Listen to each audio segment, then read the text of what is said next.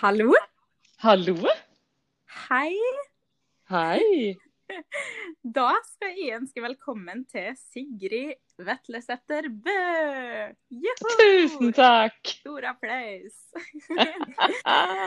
Eh, ja, Sigrid, du er i Berlin. Det er Ja. Mm. Det er jo helt fantastisk Mm. at vi kan gjøre det her, faktisk. Jeg sitter i Oslo, du sitter i Berlin. Ja. Um, og velkommen som gjest til Prestasjonspodden. Jeg er veldig glad for at du ville være med. Tusen takk for det. Det er veldig stas å være med. Ja, herlig. Uh, jeg og du er jo vi har, Jeg og Sigrid vi har snakka veldig mye om mange forskjellige ting. Både Og vi har vært i samme konkurranse nylig, og ja, Mm. så jeg vil si Jeg og Sigrid er nok dem som har snakka mye om både podkast og om prestasjon og om alt mulig. Så, så det er veldig fint å kunne ha en sånn herlig samtale med det, må jeg bare si.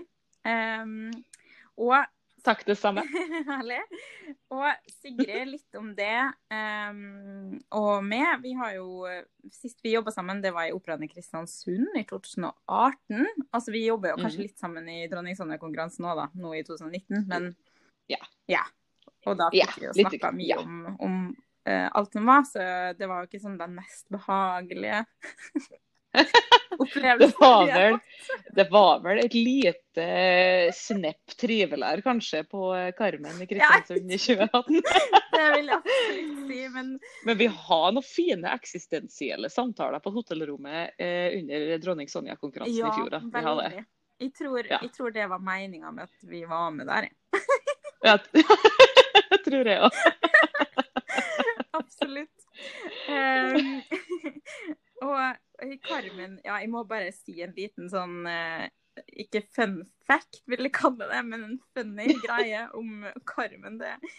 Eh, jeg og Sigrid vi hadde en liten session eh, med liksom der vi snakka om pust og, og holdning og sånn i forhold til å synge. Og Um, da jobba vi litt med anklene. For du, jeg husker du, du snakka litt om å få bakkekontakt og bein og sånn. Så gjorde vi noen sånne ankeløvelser. Og så samme kvelden så klarte Sigrid å brekke ankelen. Det var ikke din feil, da. Du er veldig snill. Jeg håper ikke det. Nei, det var ikke din feil i det hele tatt. Det er godt du sier det. Å, herlighet. Ja, det var fem dager til premiere, og jeg var bare lykkelig for at de faktisk eh, gipsa ankelen og ikke opererte meg, for da har jeg ikke kunnet møtt opp på scenen. Så vi fikk én gjennomgang med meg på krykka, og det var fullsatt generalprøve. Oh. Ja. Oi, oi, oi. Den, Men da har jeg noen veldig, veldig bra kollegaer som stilte opp på eh, å ha liksom ekstraprøver med meg hele den dagen. Det var generalprøve. Stakkars folk. Jeg bare kom på at den forestillinga, den er forheksa. Det skjedde jo så mange ting med alle under den perioden. Tenoren ble sjuk, og Carmen ramla ned trappa. Og... Å, guri, ja. ja. Nei, det var, men det var veldig artig. det var good times. Wow. Ja, det var det. Ja. Nei, så, så jeg vil bare begynne rett på jeg, eh, med å spørre, spørre litt. Nå har vi jo fått høre litt, da, men eh, hvem, kan du ikke fortelle litt om hvem du er, og hvor lang eh, sceneerfaring har du? Ja. Jo, jeg heter altså Sigrid Vetlesæter Bø, som du akkurat sa. Jeg Mhm. er 30 år gammel eh, sopran, om Mhm. det skal kalles lyrisk dramatisk f.eks. Mhm. Sopran.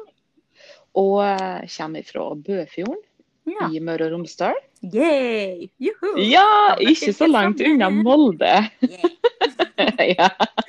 Og, eh, så nå bor jeg i Berlin, som du akkurat har sagt. Mhm. Og har jobba profesjonelt eh, Hvis vi definerer det som å få betaling for å synge, da, så, så er det så er det sånn 10-12 år. Men jeg ble ferdigutdanna bare for et par år siden. Nettopp. Nettopp. Mm. Men du begynte Ja, jeg skjønner, men sånn Når var liksom Ja. første hva skal jeg si, produksjonen din på ei stor scene, da? Eller på ei lita scene? Spiller ingen rolle. Ja, så først på en stor scene i alle fall var eh, 2016. Mhm. eh, da debuterte som første dame på Kungliga Operaen i Stockholm. Mhm. Eh, det var første gangen jeg var på en sånn riktig hovedscene i en ordentlig rolle utafor skoleproduksjoner, da. Mhm. Mm. Åh, Wow. Hvordan eh, Ja, hva var, hva var ditt eh, Var det liksom ditt første møte med scenen? Eh, eller hva, har, har du hatt et møte før? Altså, hva var ditt aller første møte med scenen, og hvordan var det? Jeg bare tenker sånn i forhold til Husker du hvordan det kjentes ut, da? Jo, jo, altså første gangen er Hvis vi sier at en scene er et relativt begrep, da, men altså at jeg, jeg har mine første soloopptredener i kirka hjemme. -hmm. Fordi at det var pappa som eh, var organist i den kirka og dirigerte kor og sånn. Og Mm. da uh, var det vel bare jeg som var frampå nok til å si at ja, jeg vil gjerne ha solo.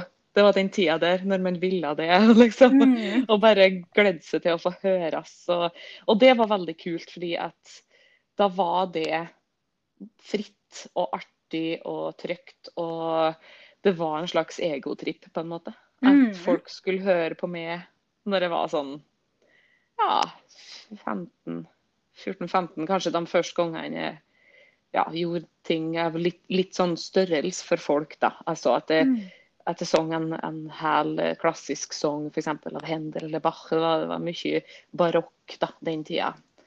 Å ja, så du begynte, du begynte ganske tidlig med klassisk, du, da?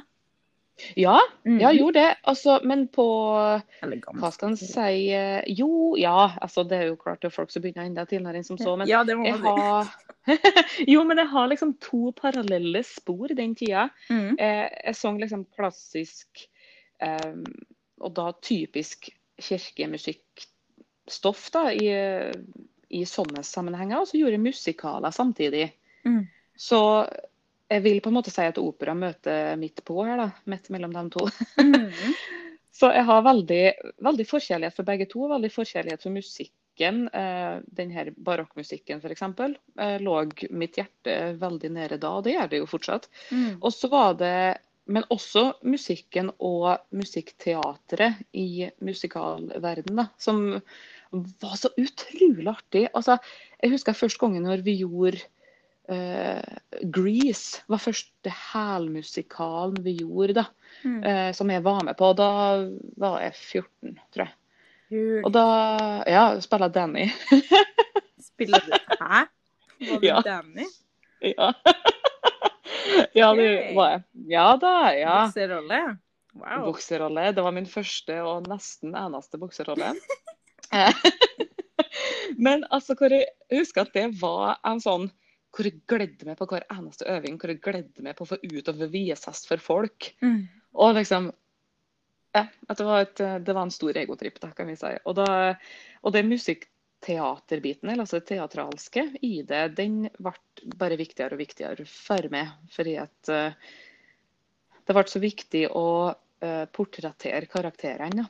Mm. Etter, mm, Men det er veldig kult å høre at du har liksom Jeg tenker når du har gledd deg veldig mye over det å stå på scenen, eller egotritt, som du sier, da. Jeg tenker sånn, Ja. Det er jo mer positivt enn det, da. Altså, at du faktisk Ja får delt gaven din med verden, på en måte, for å si det litt sånn pompøst, da. Men, men mm. um, jeg tenker det, det sier jo også litt om nærmiljøet, at eh, det var veldig støttende, kanskje. At de hadde Ja. lyst til å få det opp og fram. Ja, det var det absolutt. Mm. Og det har kjempemye å si, da. At man Mm. ble skyssa, kan man si, på veien. At man ble uh, hjulpet fram i, i lyset, på et vis. Og Mm. mm, fikk, eh, ja, fikk både hjelp til å utvikle seg, men også til å trives i det. da. Men det var klart at det var den tida da jeg ikke riktig brydde meg om at det gikk an å være bedre. Altså at det var en vei å gå. Det kom jo senere, Ja. at man forsto det. Ja. At man skulle bli bedre. Og, og da har man ingen forventninger den tida der, og det var liksom herlig løsslipt, det da, på en måte. Å, Mm. herlighet. Ja, det Ja. kan jeg jo huske. Jeg syns Ja. det Ja, virkelig. Man Ja. bare Man visste ikke helt hva opera var. Jeg var veldig seint ute med å begynne klassisk, da, men Men det var liksom, man visste ikke helt hva, hva det var, så man bare sang Nei. noe. Og så bare Ja, det var fint. Ja. ja, sant. Og desto mer man finner ut, desto Oi, OK, å ja, sånn var Ops. Jo, men altså, det var derfor du begynte. Det er Mm. derfor vi alle begynner. Fordi at Helt klart. Ja, det var artig. Det var fint. Sånn vil jeg gjøre mer. Ja. Og så altså, blir ja. vi så opphengt i ah, det skulle vært bedre. Og det skulle Mm. vært litt bedre. Mm. Senere i livet, da. Mm. Og så eh, prøve å komme i haug og huske den, den følelsen der, da. Ikke sant? Der man har Ja. den mm, leik, konsentrasjonen, men også leiken i det, da. Ja. Mm. Det er kjempe Ja. Ja. Jeg bare tenkt, jeg måtte bare nevne at um, du sier at du også har sunget musikal, og det er jo og pop og sånn. Jeg, bare, jeg bare kom på den plata du har spilt inn Jeg husker ikke hvem det er med, men den heter Hjerteblod, tror jeg? Eller Hjerte... Ja, hjert, hjerteblad. Hjerteblad heter den. Hjerteblad. Ja. Og nesten. Ja, jeg har hørt veldig mye på den, altså. Ja. Jeg vet jo ikke hva den heter engang. Nei, altså Jeg har faktisk Ja. hørt mye på den. Har du det? Ja, jeg syns det er så fint. Herregud. Dere må høre det? hvis dere ikke har hørt det. Ja. Ja, ja. Tusen takk, nå blir jeg kjempeglad. Utrolig, utrolig fint sunget, altså. Fy søren.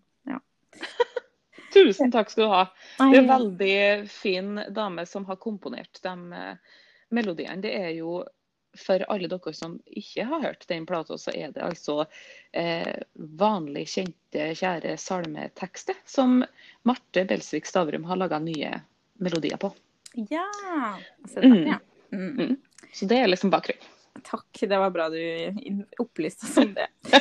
Eh, ja, jeg er litt nysgjerrig. Har du noen gang opplevd eh, sceneskrekk eller se angst, da? Sceneangst eller sceneskrekk eller ja, på, på scenen?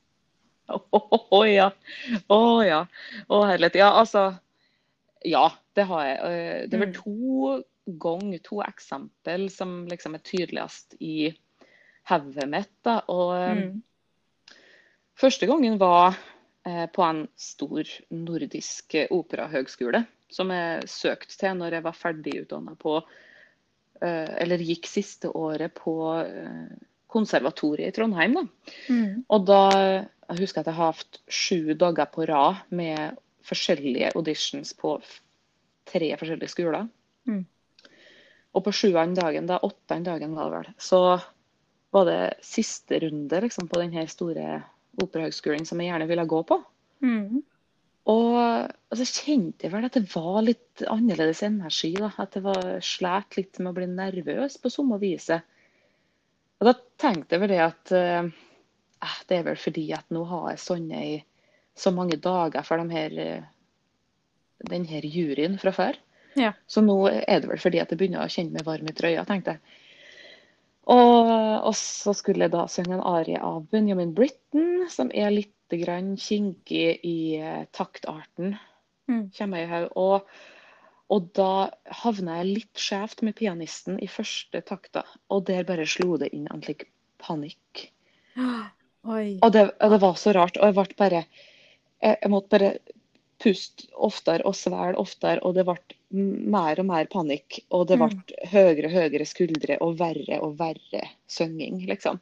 Og ofte etter en audition eller etter en konsert, så kan jeg henge meg litt mye opp i at å nei, det var den ene tonen som gikk litt sånn for dårlig, liksom. Mm. Men den der gangen da, så var det én tone som gikk bra.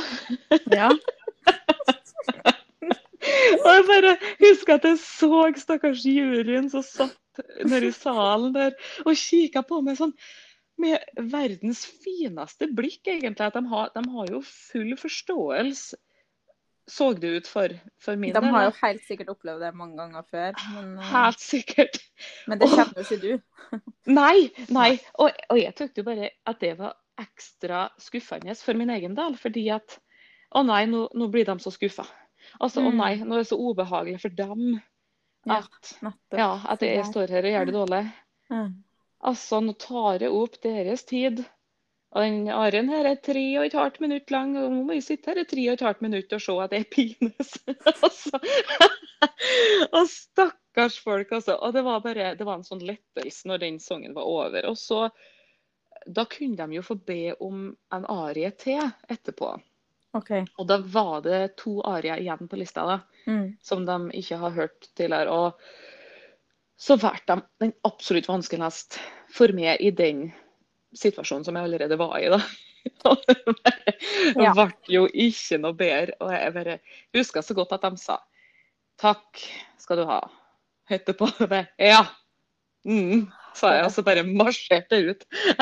Hårabud, ass. Ja, hårabud. Og jeg satte meg utafor den skolen på en stor stand i regnværet. Og så kom det noen andre kollegaer av meg som også skulle søke samme utdanninga. Og så spør de sånn Hvordan har det gått? Så sa jeg at du gikk helt til skogen. og så Nei, det gjorde det sikkert ikke. Jo, det gjorde det. Så- men det som er litt artig med den situasjonen der, var at en måned senere så søkte jeg da eh, Operahøgskolen i Stockholm Mm. Med den innstillinga at ja, ja, det her går sikkert ikke, men jeg må bare gjøre så godt jeg kan. Altså. Jeg, jeg går dit og gjør min greie, og jeg kommer sikkert ikke inn, liksom. Og der kom jeg jo inn, og der ble jo livet mitt til det livet det er nå. Mm. Der. Mm. Så nå er jeg. Ja, har en plan. Og nå er jeg så glad for at det ble akkurat sånn, fordi at eh, jeg har ikke kommet til å peile meg inn på den stien sjøl.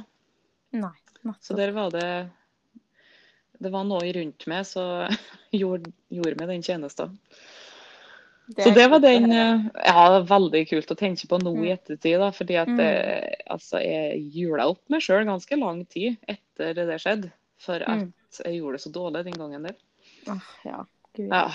eh, Men eh, også en gang til. Eh, Da det var eh, Da har jeg akkurat spilla ferdig eh, en eh, rolle på et stort eh, skandinavisk operahus. Mm. Og kvelden før jeg har spilla siste forestilling, og da var jeg så trist for at det var over. Og jeg, og jeg husker hvor jeg bare skrek og bare gråt mine modige tårer gjennom hele applausen. Mm. Og bare hulka meg gjennom applausen, for jeg var så trist for at det var over. Og jeg har hatt så fint, og så fine kollegaer, har hatt det så fint på det huset. Mm. Og dagen etterpå så var det prøvesong for et stort uh, stipend. Mm. Og da satt altså operasjefen for det operahuset som juryformann. Altså Flaks for meg var jo at den operasjefen var på forestillinga kvelden før ut og så at, eh, at jeg klarte det veldig fint. da. Mm. Og det var bra. For da, den dagen etterpå der, så kjente jeg også det når jeg våkna at nå i dag er det dårlig, er dårlig energi. i dag. Altså. Det var litt vanskelig å så du, du vet når her, eh, at det, det ketta litt i kroppen fordi at du er så spent og så nervøs for at du skal et eller annet stort og du gleder deg på det. Men den klarte ikke å finne den dagen.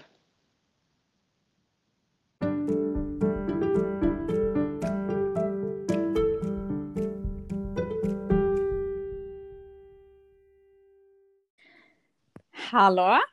Neimen, hei! Hei. Velkommen tilbake. Ja, takk skal du ha.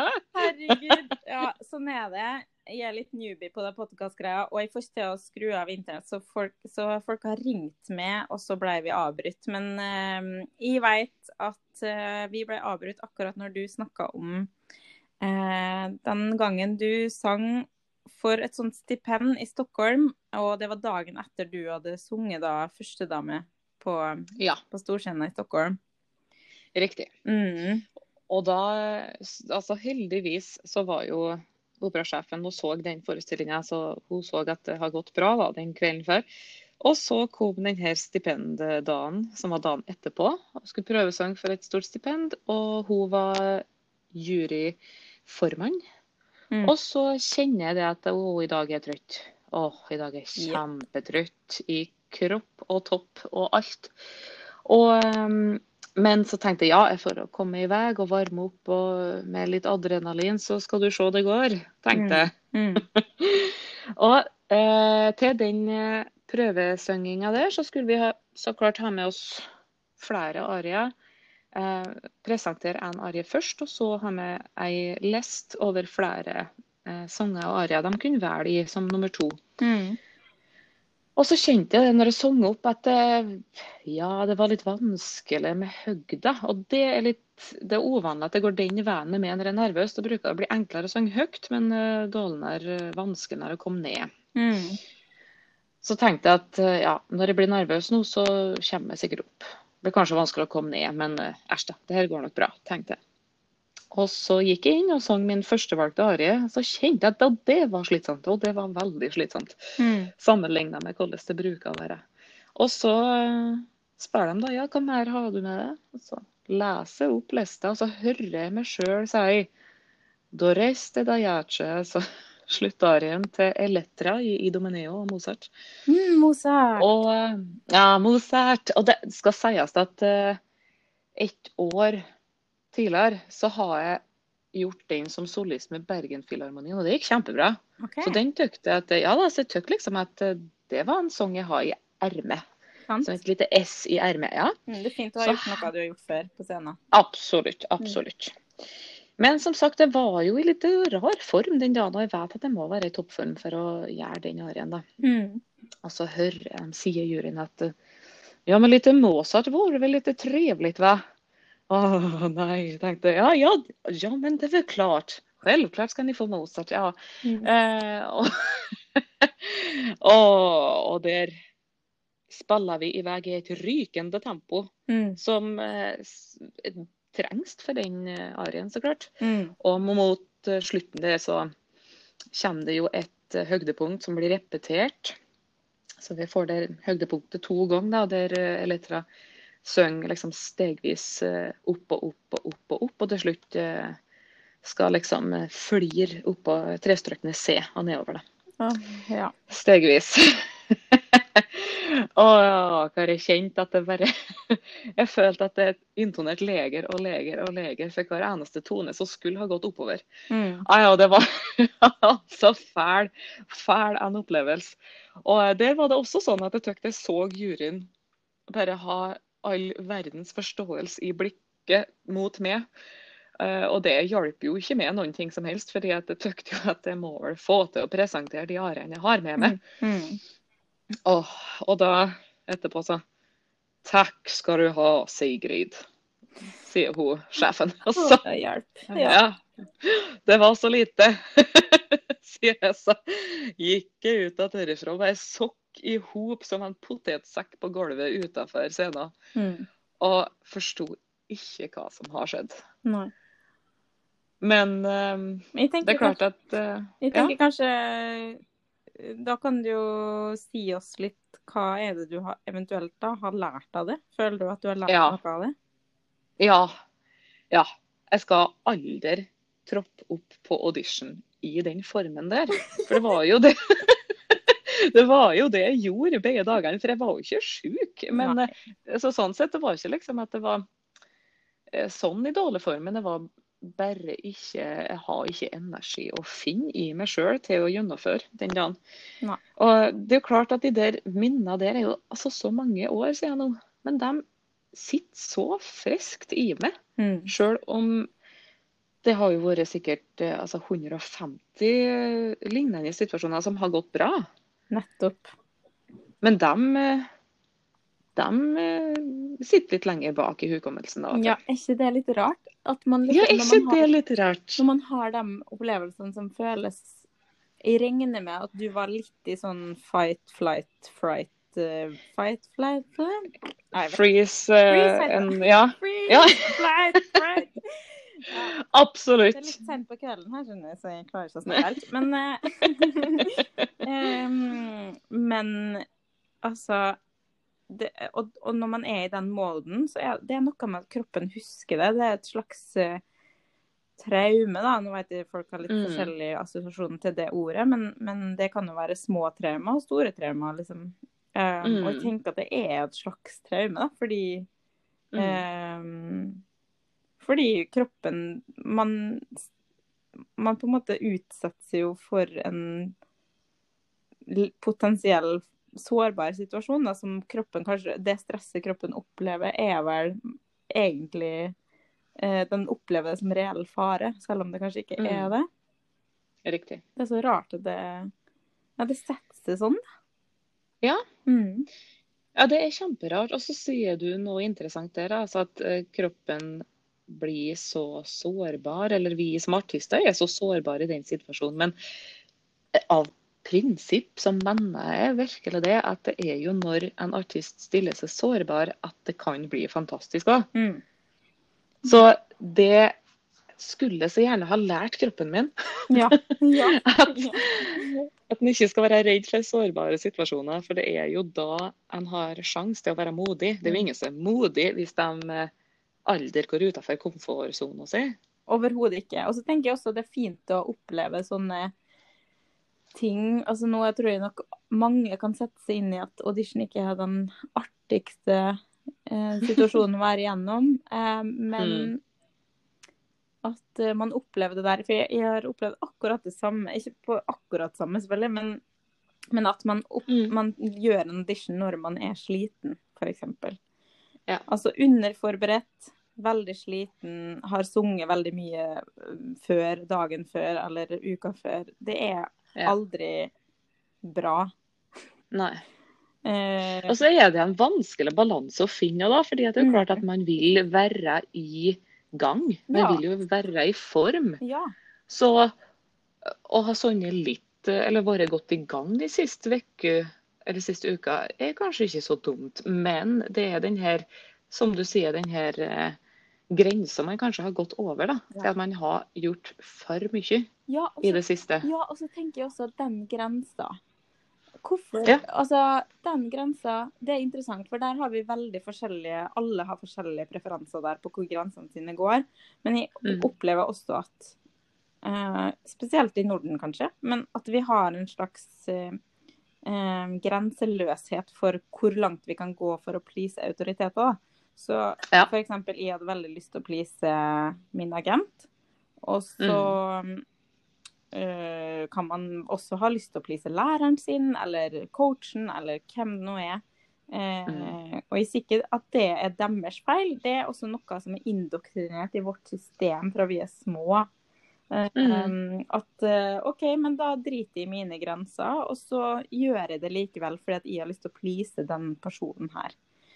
Mm. Eh, og da skjer det of, da, da merker jeg at de gangene så har det skjedd noe som ikke har vært så heldig, da. Eller kanskje det har vært heldig på én måte. Det var et sånn Å ja, så, men så lærte jeg av det, og så fikk jeg ble inspirert til å lage en podkast. Du vet. Mm. OK, men Ja. kanskje det var bra, da. Da, da var det bra. Så det, det kommer jo an på hvordan man ser det, men selvfølgelig eh, det, det, det er noe som man lærer av det. Ja. Mm. Og så er det noe med at når en er ung, kanskje tidlig 20-åra, eller eh, generelt i 20-åra, eller hva en skal si, eh, og vil, som du sier, gjøre folk til lags, sant? Mm. så er det jo veldig vanskelig å ha den indre autoriteten til å si f.eks. til pianisten stopp, vi er nødt til å begynne på nytt.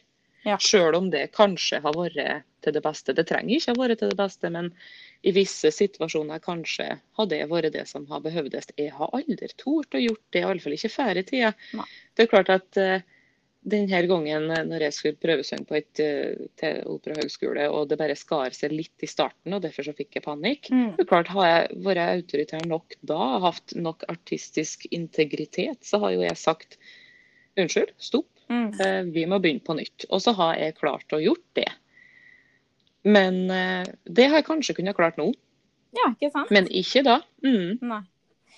Um, ville du bytta Det her er kanskje litt sånn tidlig å spørre det som er i liksom begynnelsefasen av en stor karriere uh, å spørre, men jeg spør. Ville du bytta det du holder på med nå, altså, altså bytta musikken, da, eh, og operalivet, med noe annet Mm. nå når du veit det du veit i dag? Nei. Nei. Nei, jeg tror ikke det. Altså, jeg visste jo ikke at jeg ville bli operasanger i det hele tatt før jeg var mange og 20 år. Og jeg begynte først, min første musikkutdannelse når jeg var 20. Da har jeg ikke gått musikklinje engang. Jeg er ikke musikkhøgskole eller musikkfolkehøgskole eller noe før det. Og jeg skulle bli lærer, liksom. Mm. Og jeg har jo tenkt en del på det der i etterkant, om det var altså hvordan livet mitt har sett ut hvis jeg bare gikk den lærerutdanninga der og ble boende hjemme i Surnadal kommune, sikkert der jeg kommer ifra, Mm. Og ha det livet der som kjempemange kjenner har. Og det er klart det er så mye fantastisk som de har, som ikke jeg har. Altså naturligvis en stabilitet og eh, fast ansettelse og slike ting. Mm. Men samtidig så nå når jeg har vært ut for det her livet, så er det jo både mye vanskeligere enn jeg trodde, men det er også mye mer fantastisk enn jeg kunne ha sett for meg. Ja, det er gøy å høre. Mm. Veldig. Ja, det er virkelig det. Det, det gir meg så mye mer på så mange flere plan Mm. enn jeg trodde da jeg skulle begynne med det. Ja. Å, kult. Mm. Um, hva syns du er aller artigst med å opptre? Og det er når jeg får uh, ga 100 inn i karakteren. Yes. Og det er så artig. Altså, jeg, jeg tror at jeg samtidig har litt lyst til å arbeide som skuespiller. Ja! Men da, da er vi på en helt annen utdanning igjen, så det skal jeg kanskje ikke, ikke begynne med nå. Nå er jeg for gammel til å begynne en ny utdanning, tror jeg. Men i alle fall på den måten der. Eh, men altså, når jeg får eh, portrettere, eller bare være en karakter 100% så er alt så ufarlig for meg. Da kjennes det alt så ufarlig ut, fordi at Jeg mener jo det at historiene som vi forteller når vi er karakterer, Mm. når vi portretterer mennesker, historiene som vi forteller da, er bare tilfeldigvis på melodi. Mm. Altså det, det er som at Akkurat som at komponisten har et alfabet av toner. Og så når de skulle fortelle historier, så høres det bare sånn ut. I Mm. deres alfabet, på en måte. Og å få lov til å portrettere musikken på den måten, og fargelegge ut ifra hva de forskjellige ordene betyr, og hva slags følelse ordene er der for å fortelle. Og med alle de lagene og undertekstene som en kan finne i Mm. seg, og, og kjenne seg igjen i. Altså, En kan jo kjenne seg igjen i så mange karakterer, til tross for at det er ganske mye opera som er gammelt. Ja. Veldig gammelt. Og fra en, ja, fra en helt annen tid der Oi, eh, kjæresten min og kjæresten til søsteren min bytta klær. Og da eh, forsto jeg ikke hvem de var lenger. Oi sann. Altså. Så, men Det er litt far-fetched, men ja. litt far, far-fetched. Men fantasien, vet du. Men fantasien Men likevel så finnes det fragment i de her karakterene òg som jeg kan kjenne meg igjen i. Mm. Um, og når jeg får lov til å være den karakteren, og at følelsene mine høres ut sånn som de gjør Tilfeldigvis så høres det ut som den arien der, Mm. og den duetten der. Mm. Og da, da er det så trygt for meg, for da kan ingenting feil skje, så lenge jeg er helt ærlig i uttrykket mitt. Så ja, ja, så ble den tonen sur, eller så eh, ble den tonen mer som et skrik. Men ja, så var det det karakteren gjorde nå, da. Så var det sånn hun følte akkurat nå. Mm. Da er det jo det som er ekte. Mm. Så for, for meg er det absolutt i sånne situasjoner jeg føler meg aller, aller mest hjemme. For da, da er det ikke Sigrid som skal prøve å imponere. For det, det liker ikke Sigrid så godt. Nettopp. Nei, ja. Sigrid er ikke så glad i å prøve å, å skine for å skulle jeg imponere andre. Men om jeg får lov til å portrettere og få lov til å fortelle historier med det, så det er det aller beste for meg. Artig å høre. Veldig inspirerende, ikke minst. Um, hva syns du kan være da kjipest med å opptre? Ja, det er altså frykten for å ikke være god nok, da. Ja, men da vil du si det at da med de tingene, altså hvis man ikke går godt nok forberedt eller er veldig sliten, eller så kommer Mm. den stemmen lettere til. Og det vil, vi kan kalle det for ego, da. Eller egotanken. Ja. Og den blir da sterkere, og så tar den over. Og da tenker jeg fordi da har den gått i veien for din karakter, da. Så Mm. da er man liksom, da er man Sigrid, da er man Beate. Da, I stedet Ja. for at uh, du er Susanna eller grevinne eller whatever Mm. rolle du gjør, da. Mm, absolutt. For da, i de settingene der, som du sier, når den stemmen kommer tydelig fram, som en typisk sånn prøvesang, f.eks. der Mm. ja, der en skal egentlig inn og bli bedømt. Det er jo det som er poenget. Det er jo det. Og så har vi ikke noe Ja. regi, så man står jo der som seg sjøl, og så skal man liksom Ja. Det er veldig merkelig. Det er det. Det er veldig merkelig. Og da, da kjenner jeg at følelsen av å være den karakteren jeg skal vise, den er langt vekk da, ja. Mm. For da eh, føler jeg meg veldig privat. Mm.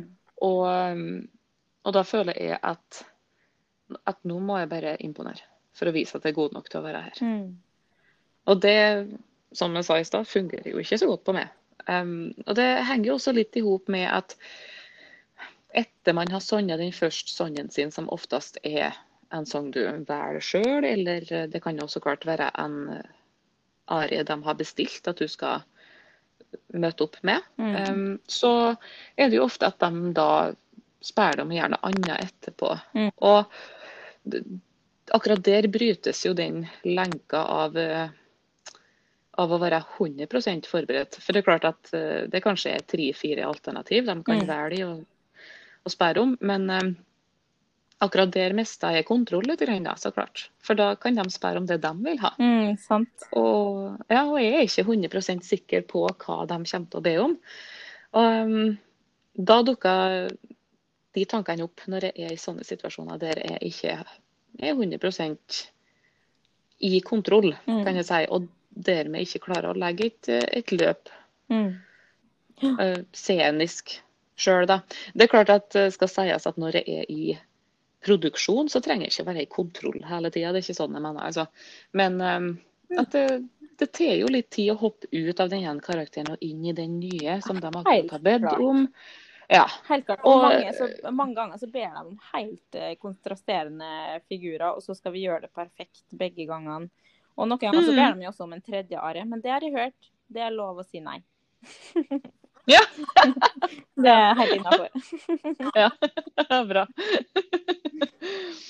Jo, men der, altså, å, å skulle da switche om det uttrykket, det kan jo ofte ta litt lengre tid enn ti sekunder. Mm. Hvis, hvis en er så heldig å ha ti sekunder en gang fra en sier ja, det skal du få høre, Mm. og til pianisten starta. Det er klart at en skulle kanskje ønske at en, eh, kanskje neste kandidat kunne fått komme inn da. Og så kunne vi få tilbake kanskje om en times tid. Mm. Men så er det godt å bli ferdig med det òg, da, for så vidt. Det er jo det. Det er jo sånn, det er sånn rart. Ja, jeg har også lært litt opp gjennom eh, hva man skal ha og ikke ha på um, auditionrepertoaret òg. Og ett år så sang jeg jo to veldig lange arier, så hele audition Altså, det, jeg sang jo bra. Det gikk jo bra, eh, heldigvis, da, men jeg sang jo i 12-15 minutter i strekk.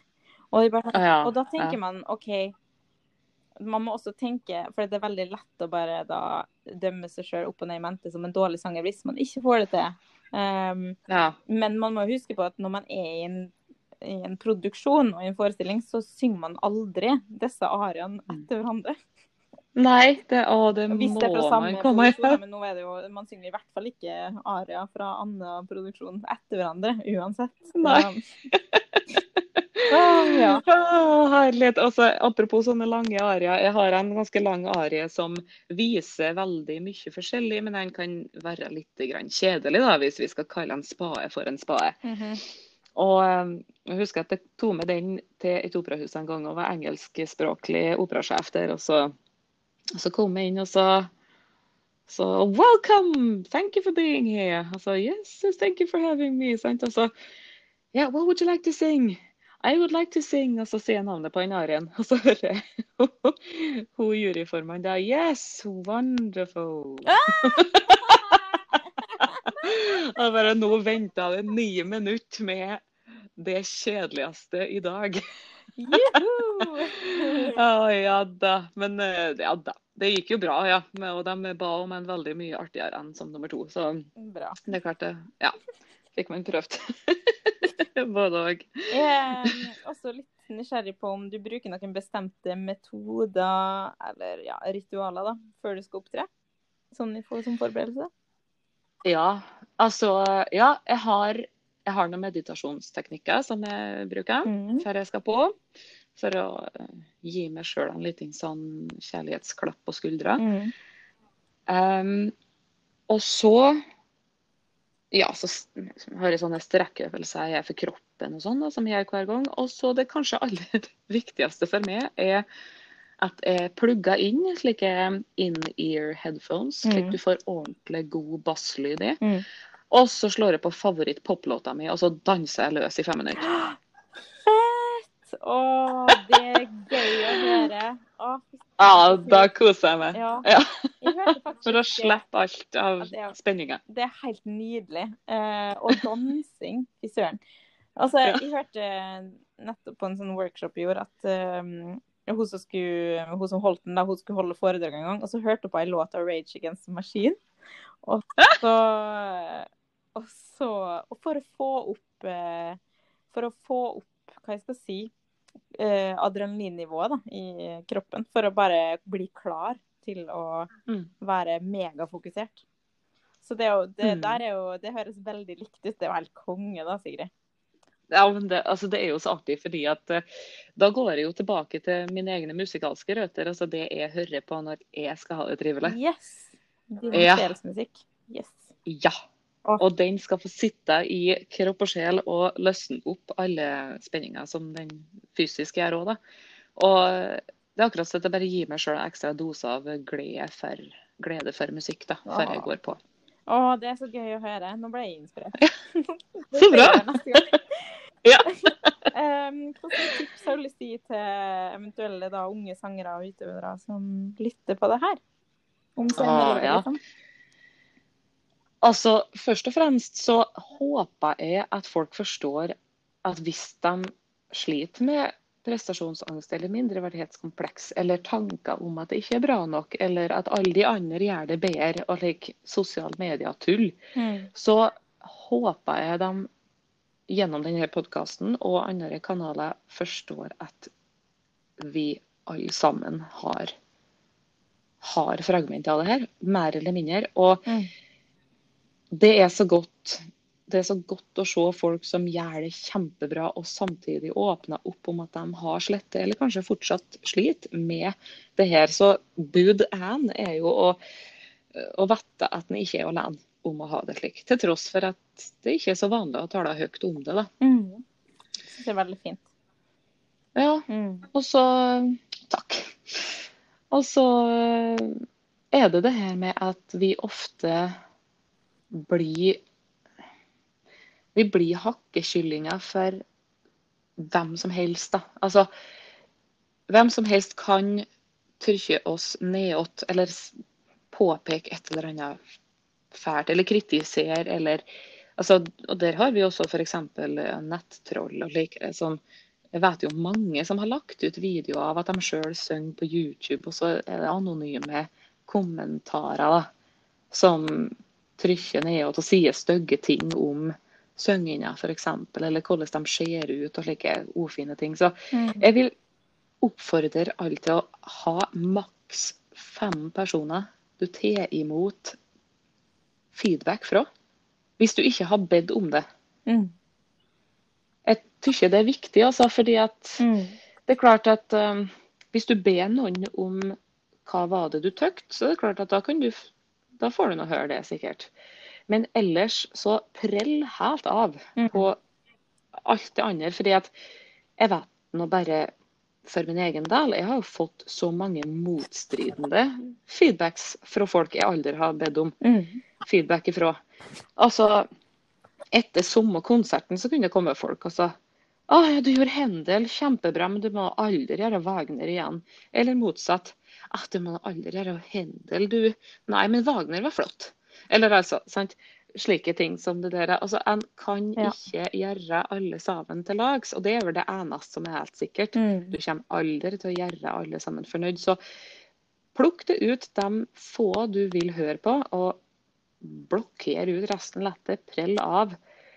Og dem som kommer med mest slik feedback som ofte er negativ, da, de vet jo ikke hva de prater om, for det meste. Det er helt sant. Mm. Det er så bra, Sigrid. Det er et veldig bra tips, faktisk. Det ville jeg kommet med sjøl. Men eh, det er det Mm. som er så deilig med å ha dere gjester på den poden her. For at eh, jeg kan aldri komme på alt det her sjøl. Så det er så utrolig Det er så fett. Veldig kult å høre. Eh, hvis dere hører noe i bakgrunnen her, så er det isbilen som, som kommer utafor. Ja, han er velkommen. Um, så da har vi kommet til siste spørsmål, og jeg gleder meg til å høre hva du har å si. Um, hva er det aller beste du har opplevd på scenen? Altså det mest inspirerende øyeblikket. Og uh, veit du cirka Du trenger ikke svare, Siro, men hvorfor det var det? Å ja. Jo, altså det har vært Det har vært mange ting som har vært veldig kult. Også. Men det som ligger lengst fram i hodet mitt når du spør om det der, er første konserten jeg har etter jeg født datteren min. Oi. Ja, eh, og det rare var da at eh, altså færre jeg ble gravid, så har jeg signert kontrakt på at jeg skulle eh, gjøre en konsert med et norsk symfoniorkester. Og jeg visste allerede da hva repertoaret skulle være. Og som en lyrisk, dramatisk, eh, forholdsvis ung eh, sopran ennå, så har jeg ikke gjort så veldig mye av det tyngre repertoaret. Men på den konserten med det orkesteret så ba de om jeg kunne gjøre eh, Elisabeths arie fra Tannhäuser og Wagner. Mhm. Og jeg har aldri sånne Wagner for folk før, før det. Mm.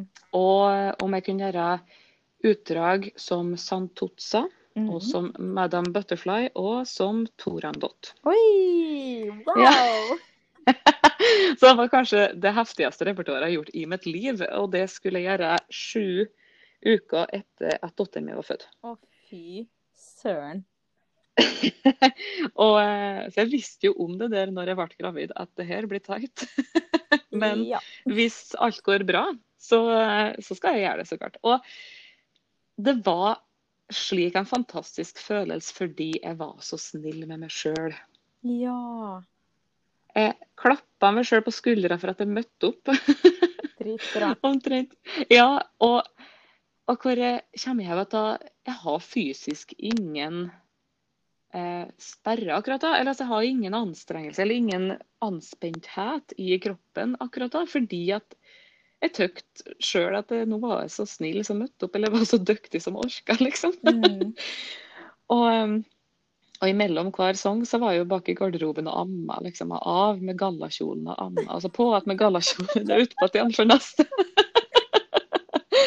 og, og det var altså Jeg vet ikke om det var det beste jeg har gjort, det er helt umulig å si sjøl, tror jeg. Men det var i alle fall det aller beste, den aller beste opplevelsen jeg har hatt noen gang. Å, det er artig å høre. Tror du det var har litt med at uh, kanskje du tok presset av det sjøl, fordi du visste Ja. Du vet, du har, har ei datter. Altså, det blir jo så eh, To kontrasterende verdener, da, på en måte. Ja. Og det er jo to store hovedroller i mitt liv, de to tingene der. Mm. Men Mm. plutselig så var det noe som faktisk var litt større enn synginga, da. Mm. Og da Og ble det- synginga dritartig. Det Ja. var utrolig artig. Og, ja. ja, virkelig. Mm. Ja, fantastisk å høre, Sigrid. Og ja, jeg ble inspirert av denne samtalen, i hvert fall. Så jeg, jeg håper dere der hjemme også kan hente litt ut av det her. Og ja, tusen hjertelig takk for at du tok deg tid til det her. Kjempeartig. Takk for at jeg fikk. Utrolig gøy. Mm. Vi driver og snakker hverandre i munnen, så vi må bare stoppe litt. Ja. Vær så god, Sigrid. Nå kan du få snakke. Nei, jeg skulle bare si tusen takk for at jeg fikk være med. Og um, det er veldig artig å få lov til å dele de her eh, sidene av det her livet som ikke er så glamorøst som det man ofte viser fram for folk på Mm. sosiale medier og ellers. Um, jeg er fortsatt litt for feg til å legge ut på internett om alle de gangene det ikke går så bra som jeg håpa. Men eh, det var veldig godt å få fortelle det nå. Mm. Jeg syns det også er helt innafor. Jeg, tenker folk skal få lov til å dele akkurat det de kjenner er riktig for seg. Og selvfølgelig, eh, det er ikke artig å alltid dele ting som går eh, dårlig. Men jeg tenker eh, Men det trenger man ikke heller. Altså selvfølgelig, publikum skal ikke vite hva vi går gjennom på scenen. Altså vi, Mm. vi gjør jo en jobb som vi elsker. Men jeg tenker det er utrolig viktig å bare belyse at, at det er så mye mer fargerikt enn hva man ser på en forestilling, da. Altså alt rundt, Ja. liksom. Og, og også ikke minst for folk som kommer etter oss igjen. Altså yeah. unge Oh, ja. utøvere. Um, Mm. Så tusen, tusen takk for at du deler så åpent. Og jeg tror det er veldig mange som kommer til å sette pris på det her.